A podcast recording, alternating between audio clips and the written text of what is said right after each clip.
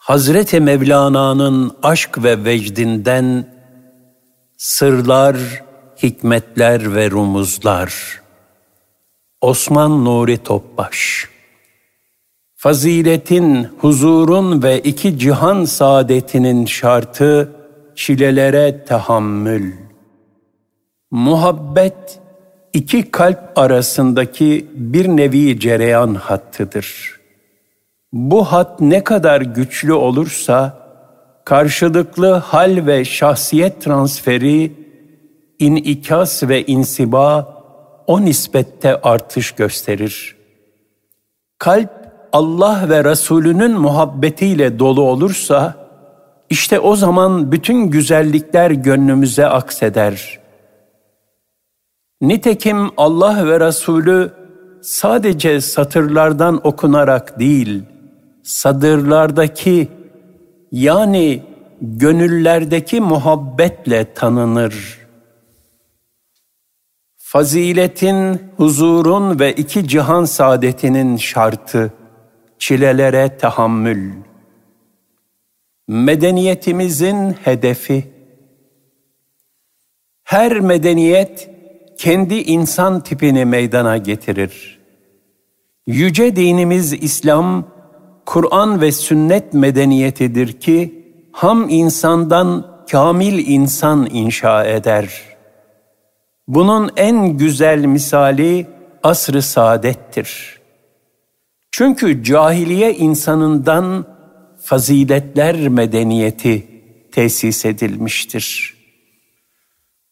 Asr-ı saadetten kıyamete kadar da bu medeniyetin yegane muallimi Hazreti Peygamber sallallahu aleyhi ve sellem'dir.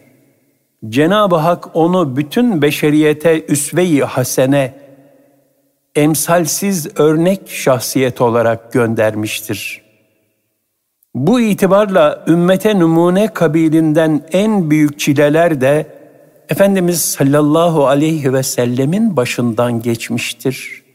Çünkü hayat zahmet ve rahmet dengesi içindedir.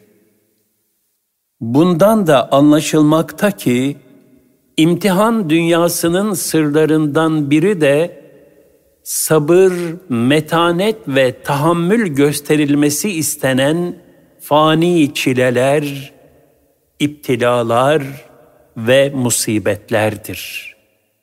Çünkü ham nefsin terbiye edilmesi bu şekilde kolaylaşır tıpkı ham bir demire şekil verilebilmesi için onun ateşte tavlanması gibi. Bu zorluklara tahammülü sağlayacak yegane iksirse muhabbettir. Muhabbet Muhabbet iki kalp arasındaki bir nevi cereyan hattıdır. Bu hat ne kadar güçlü olursa karşılıklı hal ve şahsiyet transferi, inikas ve insiba o nispette artış gösterir. Kalp Allah ve Resulünün muhabbetiyle dolu olursa, işte o zaman bütün güzellikler gönlümüze akseder. Nitekim Allah ve Resulü sadece satırlardan okunarak değil, sadırlardaki yani gönüllerdeki muhabbetle tanınır. Seven, sevdiğine muhabbeti nispetinde hayran olur ve onu taklit eder. Zira aşk ve muhabbet iki kalp arasındaki cereyan hattı gibidir. Sevenler sevdiklerini hiçbir zaman gönüllerinden çıkarmaz ve dillerinden düşürmezler.'' Sevdiklerine canlarını ve mallarını cömertçe harcamak suretiyle fedakarlığın huzuru içinde yaşar ve ölürler.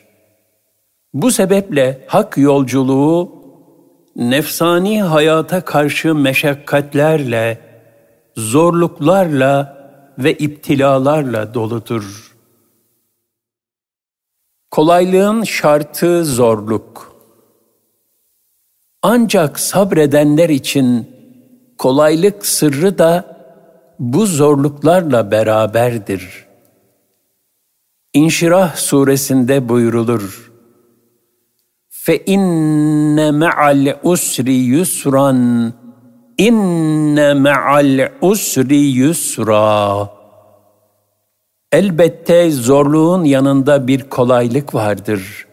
Gerçekten zorlukla beraber bir kolaylık daha vardır. El-İnşirah 5-6 Unutulmamalıdır ki insanı olgunlaştıran çilelerdir. Mesela denizle karanın birleştiği kumsallara baktığımız zaman oradaki taşlarda görürüz ki üzerlerinde hiçbir pürüz kalmamıştır ve granit gibi de sert ve kırılmaz hale gelmiştir. Asırlarca dalgalar tarafından dövüle dövüle pürüzlerinden arınmış, cilalanmış, pırıl pırıl olmuştur. Mevlana Hazretleri çilelere tahammül vesilesiyle hasıl olan bu terakkiyi şöyle anlatır. Bir takım zalimlerin gaspından kurtarabilmek için Hızır aleyhisselam gemiyi deldi, sakatladı. Madem ki kırık olan, dökülen, perişan olan kurtuluyor, sen de gururdan vazgeç, acziyete bürün. Zira bu dünyaya arz-ı endam için değil, arz-ı hal için geldin. Unutma ki kurtuluş ve selamet mahviyettedir. Hadi sen de benlikten varlıktan kurtul, mahviyet içinde yaşa ve hakka basıl ol.'' Bu sebeple en büyük çileler başta Cenab-ı Hakk'ın en sevgili kulları olan peygamberlerin daha sonra da peygamber varisi hak dostlarının ve salih kulların başından geçmiştir. Bu çileler onlara terfi derecat kabilindendir. Hazreti Adem yıllarca tevbesinin kabulü için gözyaşı dökmüş. Hazreti Yusuf haksız bir şekilde atıldığı kuyuda ve zindanda nice çileler çekmiş. Hazreti Eyyub muhteşem varlıktan sonra yokluk, hastalık ve kayıplarla imtihan edilmiştir. Bütün peygamberler ümmetlerinin çirkin hücumları, hakaretleri ve iftiralarına maruz kalmışlardır. Kimisi çok ağır şekilde şehit edilmiştir. Peygamberler içinde en geniş nimet ve imkanlara mazhar olan Hazreti Süleyman aleyhisselamdır. Onun dahi hayatında an gelmiş, iptilalar olmuştur. Ayet-i kerimede buyurulur. Andolsun biz Süleyman'ı imtihan ettik. Tahtının üstüne bir ceset gibi bırakıverdik. Sonra o yine eski haline döndü. Saat 34 Tahammül üstü çileler Bilhassa Peygamberimiz sallallahu aleyhi ve sellemin çektiği çileler ne kadar tahammül fersadır.'' Birkaçını zikredelim. Peygamberimiz ashabına ve ümmetine karşı çok şefkatliydi. Kendi aile efradından daha yakındı. Cenab-ı Hak onun bize şefkatini şöyle ifade buyurdu. Size kendi içinizden öyle bir peygamber geldi ki, sizin hüsranınıza üzülüyor, saadetinizi cidden istiyor. Müminler için yüreği rikkatle ve merhametle çarpıyor. Et-Tevbe 128 Efendimiz sallallahu aleyhi ve sellem ashabına karşı bu kadar şefkatliyken 13 sene süren Mekke devrinde Fahri kainat Efendimizin gözleri önünde sahabe efendilerimiz dövüldüler, sövüldüler, işkencelere tabi tutuldular. Kızgın taşların üzerine yatırıldılar. Üzerlerine dev taş kütleleri konarak kemikleri kırıldı. İslam'ın ilk şehidesi Sümeyye Hatun bir ayağı bir deveye, diğer ayağı bir deveye bağlandı, parça parça edilerek katledildi. Sabretti, tahammül etti. Diğer taraftan Peygamberimiz yedi evladının altısını kendi elleriyle toprağa verdi. Sabretti, tahammül etti. Diğer taraftan müşrikler çok sevdiği amcası Hazreti Hamza'yı Mus'ab bin Umeyr, Cafer bin Ebi Talip, Zeyd bin Harise radıyallahu anhüm gibi çok kıymetli talebelerini şehit ettiler. Reci'de, Bi'ri Maune'de gözü gibi sakındığı Kur'an talebelerini şehit ettiler. Sabretti, tahammül etti. Kendi şahsına yapılan zulümleri ise daima affetti. Mekke'nin fethinden sonra tam bir kısas fırsatı doğmuşken o sallallahu aleyhi ve sellem 20 yıldır birikmiş hesapların ve ızdırapların üzerine bir şal attı, af ilan etti. Mekkeliler, sen kerem ve ihsan sahibi bir kardeşsin, kerem ve iyilik sahibi bir kardeş oğlusun diye Efendimizin faziletini itiraf ettiler. Fahri kainat, sallallahu aleyhi ve sellem Efendimiz çilelere en güzel şekilde sabır ve tahammül göstermenin, kötülüğü iyilikle savarak kendisini öldürmeye geleni diriltmenin en güzel misallerini sergiledi. Sahabe-i kiram da çilelerle olgunlaşmıştır. Mekke devri 13 sene süren pek zorlu bir çile mevsimidir. Bilhassa Bilal, Habbab, Yasir, Sümeyye radıyallahu anhüm gibi fakir ve zayıf sahabiler çok ağır işkencelere tahammül ettiler. Sadece onlar değil, Hazreti Ebu Bekir gibi varlıklı sahabiler dahi defalarca hücumlara uğramış, tartaklanmış, ölümden zor kurtulmuşlardır. Hakaret, istihza, muhasara, açlık ve daha ne çileler. Sonunda da yurtlarını, evlerini ve akrabalarını bırakarak Medine'ye hicret etmek zorunda bırakıldılar. Medine devrinde de çile sona ermedi.'' Bu sefer de münafıklar, müşrikler ve Yahudiler arasında büyük sıkıntı ve meşakkatlere maruz kaldılar. Savaşlara mecbur kaldılar. En yakınlarını kaybettiler. Şehitler verdiler. Fakat bu çilelerin neticesinde gönülleri en güzel kıvamda olgunlaştı ve her türlü hamlıktan kurtuldu.'' Onlar bilhassa tevhid üzere akaid hususunda her çeşit imtihandan geçtiler ve hiçbir şekilde İslam'dan taviz vermeyip kalbi selime nail oldular. Nihayet rızayı ilahiye vasıl oldular.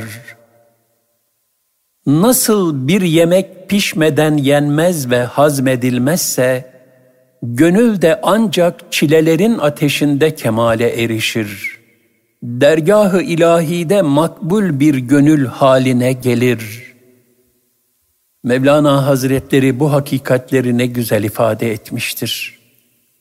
Ayın kap karanlık gecelere sabretmesi onu apaydın eder.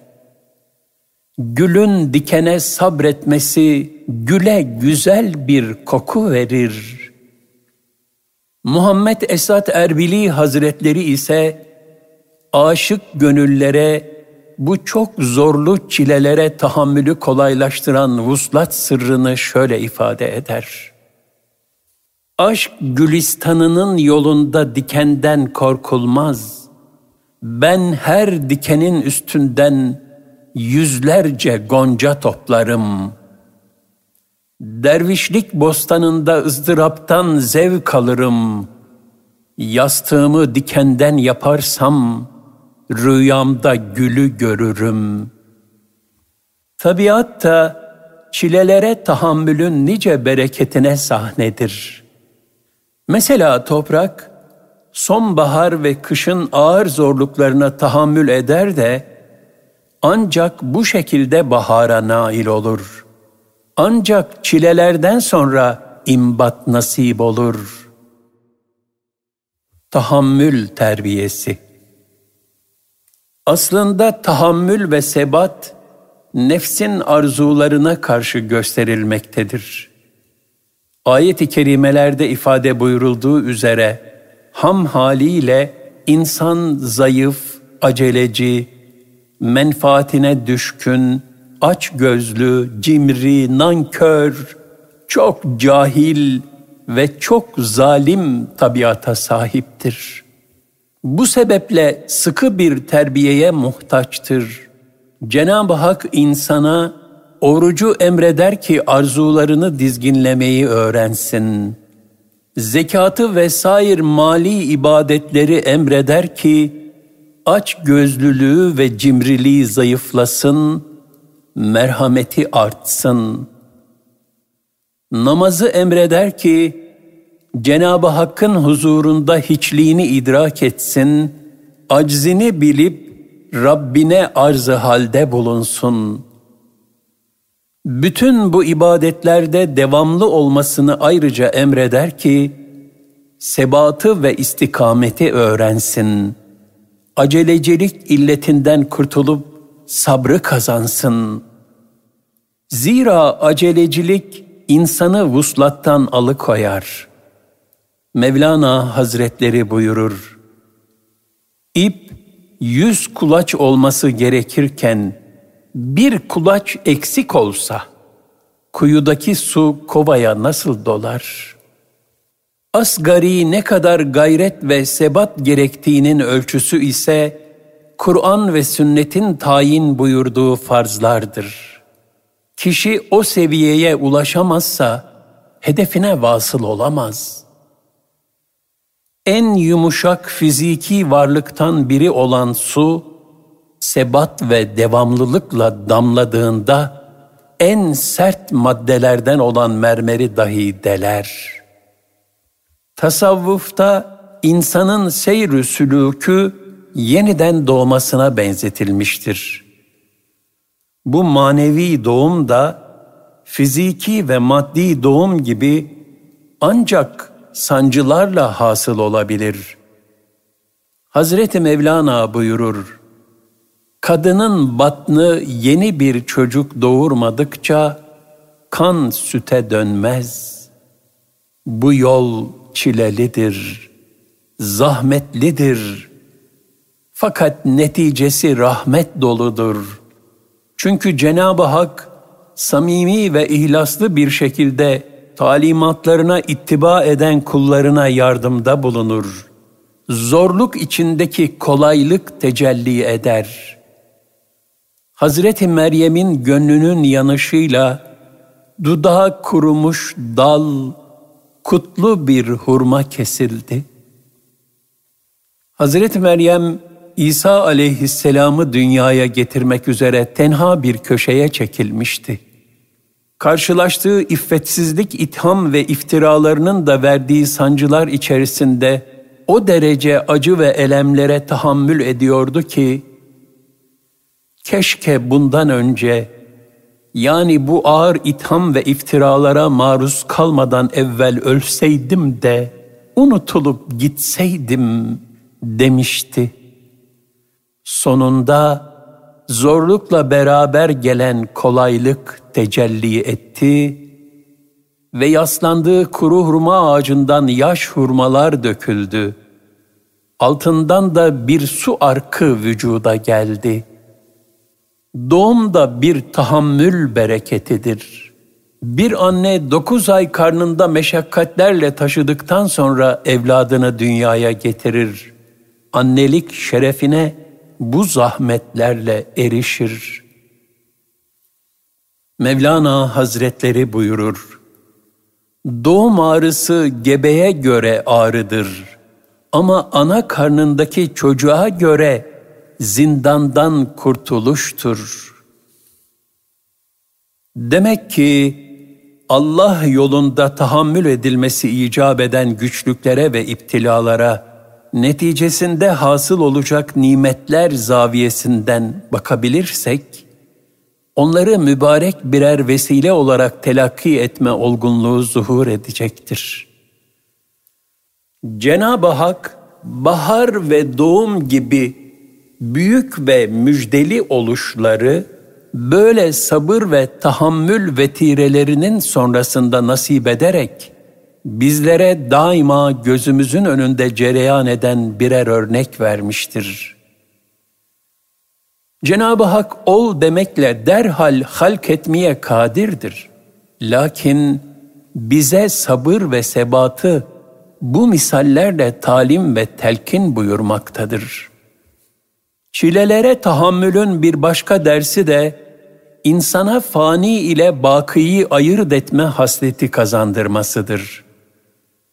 Mesela oruçtaki açlık, asıl beslenmesi gerekenin bu dünyaya kurban edilecek fani beden değil, ötelere yolculuk edecek ve yeni bir bedene kavuşacak olan ruh olduğunu öğretir.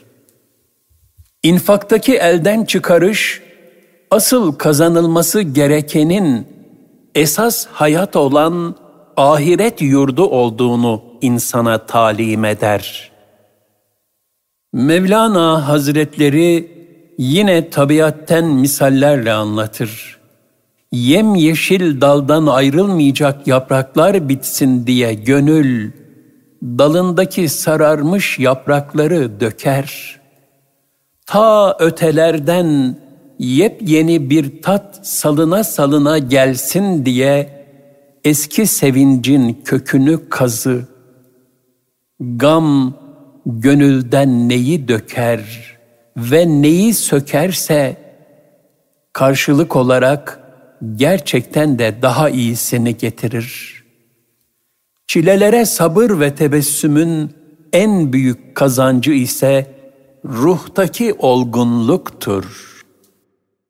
Çilelere tebessüm, hak dostları çilelere tahammül ederken, gönülleri öyle incelir, öyle rakik hale gelir ki, kendilerine zulmedenleri dahi affederler. Hazreti Mevlana'nın ifadesiyle, kim demiş gül dikenin himayesinde yaşar.'' Dikenin itibarı ancak gül sayesindedir. Habibi Neccar ve Hallacı Mansur gibi veli kullar, kendilerini taşlayanlara ve kendilerine zulmedenlere merhamet etmiş ve onlar için hayırlı temenniler içinde dua etmişlerdir. Hallacın şu ifadesi ne kadar manidardır.'' Allah'ım onlar bilmiyorlar. Sen benden önce onları affeyle.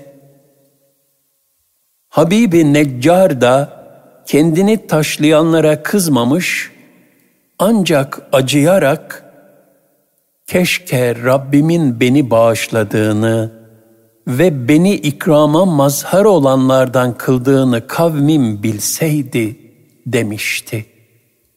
Yasin 26-27 Çünkü onlar kendilerine bir takım eziyetlerin tevcih edilmesinin manevi sebebini bilmektedirler. Mevlana Hazretlerinin ifadesiyle madeninde birkaç geçer akçesi olan dağ kazma yaralarıyla paramparça olur. Allah'ın kullarını irşad için kendi varlıklarından geçmiş olan hak dostları bu hücumlardan incinmezler. Bir şairse darb-ı meseli de hatırlatarak bu hakikati şöyle ifade etmiştir. Makali ta'nı cahilden ne gam erbabı irfana. Atarlar taşı elbette dırahtı meyvedar üzre. Ey makali! Cahillerin kınama ve ayıplamalarından irfan ehli üzüntü duymamalıdır. Çünkü onlar bilirler ki meyveli ağacı taşlarlar.'' Bu incinmemeyi ayette Cenab-ı Hak şöyle ifade buyurur. Onlar cahillerin sataşmalarına karşı selama derler. Mukabil sataşmaya kalkışmazlar. Sadece bir tebessüm edip geçerler. El Furkan 63 Emekler zayi olmaz.'' Sabır, tahammül ve sebatı zayıf düşürecek en tehlikeli illet, yeis yani ümitsizliktir. Bilhassa insanları terbiye, eğitim ve irşat sahasında sabır ve tahammül çok lüzumlu bir haslettir. Eğitim sabır ve sebat ister.'' Bir akarsuyu karşısına çıkan yüksek bir dağın tepesine doğru tırmandırmak mümkün değildir. Ancak çevresinden dolaştırarak aktarmak mümkündür. Yol uzun ve meşakkatli görülebilir. Fakat neticeyi hasıl eder, gayeye ulaştırır. Uzun yıllar Mahmud Sami Efendi Hazretlerinin hizmetinde bulunan merhum pederim Musa Efendi Hazretleri, Anadolu'ya nice yolculuklar yaparlardı. Seyahat vasıtalarının ve yolların günümüz kadar müsait olmadığı o devirlerde, bu ziyaretler ve gayretler hanelerinden uzak bir şekilde 20 gün sürerdi anlatmışlardı. Gittikleri bir beldede konaklayabilecekleri bir kardeş yoktur. İslami hassasiyete sahip olanı bulunamayacağından otelde de kalmak istemezler. Bir camiye giderek müezzin efendiden battaniye istemiş ve camide gecelemişlerdir. Eğitim ve irşat yolundaki gayretlerde ümitsizlikten Allah'a sığınmalıdır. Zira Cenab-ı Hak gösterilen gayretleri ve samimiyeti çok iyi bilir. Bu sebeple Hazreti Mevlana gerek ferdi eğitimde gerekse başkalarını eğitme faaliyetlerinde ümitsizlikten sakındırarak şöyle der. Hiç buğday ektin de arpa bittiğini gördün mü? Yani İnsan ancak gayretinin ve emeğinin karşılığını bulur. O gayret ve emekleri boşa gitmez. Hiçbir ayna geriye dönüp de tekrar demir olmadı. Keza hiçbir ekmek de geriye dönerek varıp harmanda buğday olmadı. Keza hiçbir üzüm de geriye dönüp koruk olmadı.'' Keza hiçbir olmuş meyve de geriye dönüp yeniden turfanda hale gelmedi. O halde sen de öylesine pişerek olgunlaş ki artık bozulmaktan kurtul ve daima taze kal. Bilhassa eğitimciler unutmamalıdır ki Kendileri görmese de verdikleri samimi ve şuurlu emekler asla zayi olmaz. Belki netice vermiyor gibi görünse de Allah'ın izniyle bütün emeklerin bereketi bir kişinin üzerinde teraküm eder ve o kişide büyük bir zuhurat nasip olur. Mesela Şeyh Edebali Hazretleri belki nice insanları irşad etmek için emek vermişti. Fakat o irşadın neticesi Osman Gazi'de öyle bir tecelliye kavuştu ki 620 sene İslam'a hizmetle ömür süren ihtişamlı, muzaffer bir devlet nasip oldu. İnsan yetiştirmeye matuf gayretlere sarf edilecek imkan, meblağ ve insan gücünün asla zayi olacak, lüzumsuz bir israf olarak görülmemesi gerektiğini ifade sadedinde şu hadise pek ibretlidir. Birkaç kişi de olsa kafi. Fatih Sultan Mehmet Han vezirleriyle bütçe müzakeresi yapıyordu. Medreseler tahsisatına sultanın ayırdığı rakam bir hayli kabarıktı. Maliye veziri bu rakama muttali olunca hayretle derin bir sükuta büründü.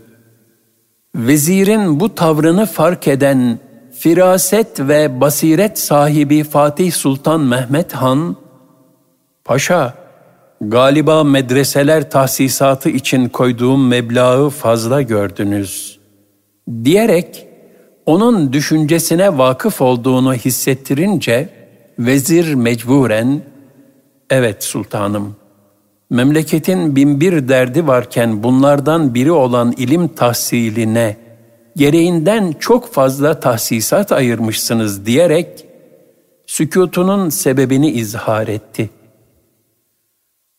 Bunun üzerine hem vezirini küstürmemek hem de meseleyi halletmek isteyen firasetli Sultan Fatih, sakin ve ikna edici bir üslupla şunları söyledi. Paşa, kendilerine imkan sağladığımız yüz talebeden kaçı yetişiyor? Aralarından üç beş tane adam çıkıyor mu? Maliye veziri, evet sultanım, yetişiyor elbette ama bu kadarından ne çıkar ki dedi. Sultan manidar bir şekilde tebessüm etti ve Paşa, bilir misin ki bunca ahaliyi tenvir edip yetiştiren de işte bu üç beş kişidir. Vezir başını önüne eğdi ve gerçeği itiraf ederek Evet sultanım, bu doğrudur dedi. Meseleyi basiret ve firaseti sayesinde kolayca halleden Fatih'in gönlü son derece sürurla doldu ve vezire, Paşa, madem ki medreselerimizdeki her yüz talebeden üç beş tane de olsa, ahaliyi tenvir edecek ciddi insan yetişebiliyor.'' O halde onların hatırına diğerlerini de bakıp gözetmeye razı olmalıyız dedi. Talim, terbiye, tebliğ ve irşat için gayret edenler de yüzlerce kişiye ulaşsalar ve arzu ettikleri neticeyi alamasalar da asla ye'se kapılmamalı, muvaffakiyeti Cenabı Hak'tan umarak sa'yu gayrete sebatla devam etmelidirler.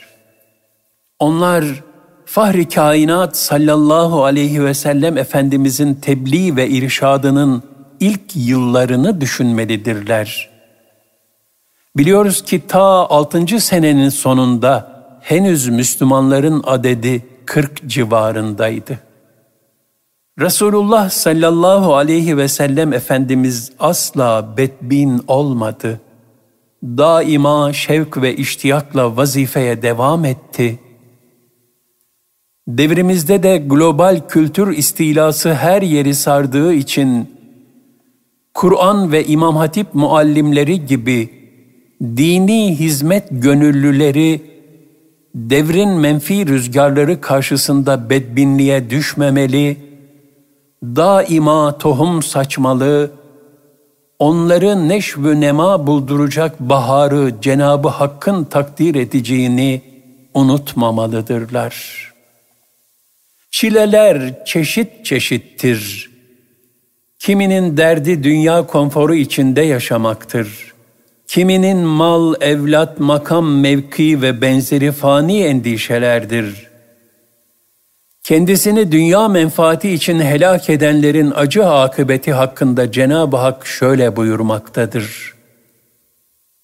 Men kâne yuridu harfel âhireti nezid lehu fi harfihi ومن كان يريد حرث الدنيا نؤته منها وما له في الاخره من نصيب Kim ahiret kazancını isterse onun kazancını artırırız. Kim dünya kazancını isterse ona da onu veririz. Fakat ahiretten bir nasibi olmaz.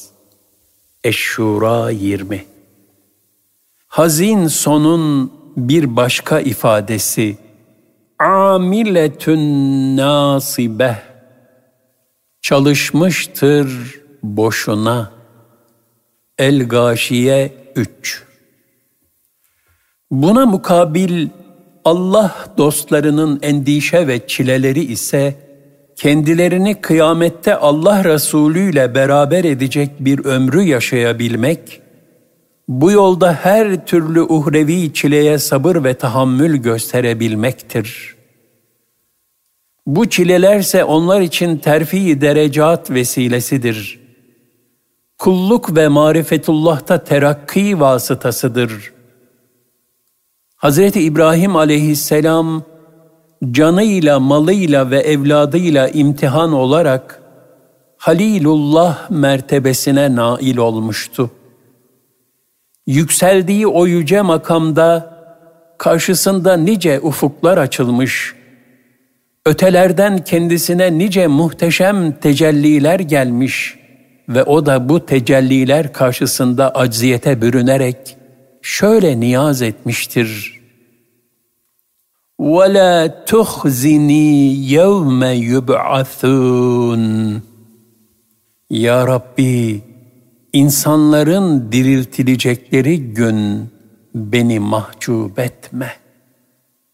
Eş-Şuara 87 Demek ki ufuklar açıldıkça en zirve peygamberler dahi Allah Teala'nın azameti karşısında acizleşiyor, hiçliğini daha yüksek seviyede idrak ediyor. Fahri kainat sallallahu aleyhi ve sellem Efendimiz'de de öyle. Habibullah makamına eren Peygamberimiz sallallahu aleyhi ve sellem şöyle buyuruyordu. Benim bildiğimi siz bilseydiniz, az güler, çok ağlardınız. Sahralara dökülüp Allah'a yüksek sesle heyecan ve duygu derinliği içinde yakarışta bulunurdunuz. Yine buyuruyordu, Ey Allah'ım, göz açıp kapayıncaya kadar bile beni nefsime bırakma. Ne mutlu el mer'ü me'a men ehab muhabbe, kişi sevdiğiyle beraberdir hadisi şerifinin tecellisine nail olabilenlere.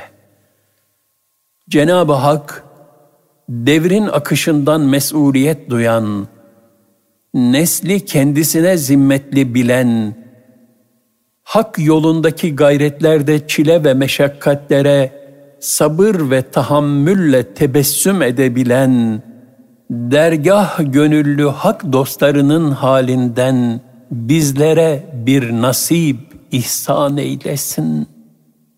Amin.